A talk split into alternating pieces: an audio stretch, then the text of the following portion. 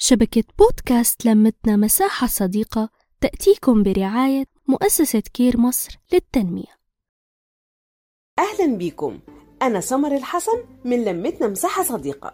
هتلاقي كل يوم حاجة جديدة. هنتكلم عن تربية الأطفال وعن مشاكلك اللي انت بتواجهها والأكل وال fashion معاكم هنمشي الطريق في يوم جديد مع سمر.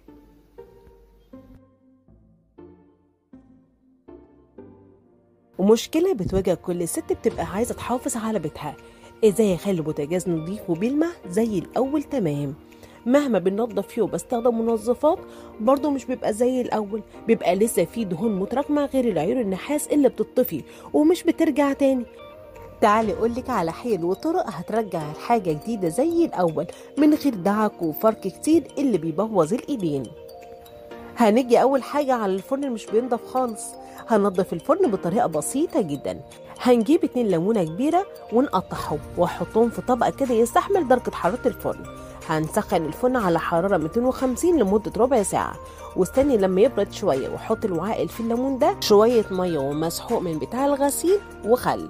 ومسح الفرن من جوه هتلاقيه نضف زي الفل. غير إن كمان الليمون اللي في الفرن اللي هو لما يبقى فيه فترة طويلة هيشيل أي ريحة مش حلوة ويخلي كمان ريحة انتعاش هتعجبك جدا. ولو الدهون صعب قوي عندك في الصاج بيبقى موجود في الفرن. رشي عليه شوية baking powder شوية خل شوية مية وانتي بتسخني الفرن. هتلاقيه بيبرق وبيلمع زي الفل.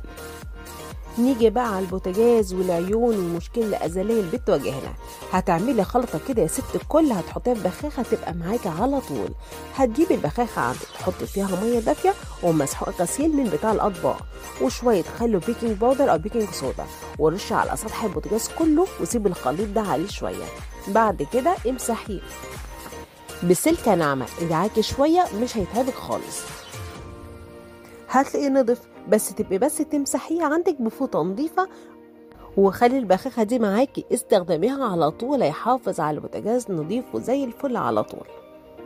نيجي بقى لعيون البوتاجاز هنجيب وعاء كبير. هنحط فيه العيون الموجودة عندي والصاج بيبقى موجود فوقيه هنحط عليهم غسيل من بتاع المواعين. وربع كوباية خل ومعلقتين شاي. أي أيوة والله الشاي بينضف جدا على فكرة. وهنعصر عليهم ليمونة ونسيب القشر بتاعها في الخليط. واحط baking powder أو baking soda واحط كمان عليهم مية سخنة وهسيبهم بالليل لحد الصبح. هتلاقي الدهون كلها اتشالت. بس بس دعكيها دعكة كده خفيفة بسلك ناعم هتلاقي كل الدهون اللي فيها طلعت على طول. ولو في بواقي حاجات صعبة في العيون حطيها تاني في الخليط وزودي عليها مية سخنة. هترجع زي الأول. أهم حاجة في ده كله إن أنت تلبسي قفازات وأنت بتنضفي البوتاجاز عشان تحافظي على إيدك. وبالتنظيف المستمر مش هتراكم عليك الدهون الصعبة ابدا في البوتاجاز. بوتاجازك نضف بحاجات طبيعية غير المنظفات اللي فيها كيماويات كتير اللي ريحتها بتتعب الصدر وكمان سعرها بيتعب الجيب نحكي نتشارك نتواصل.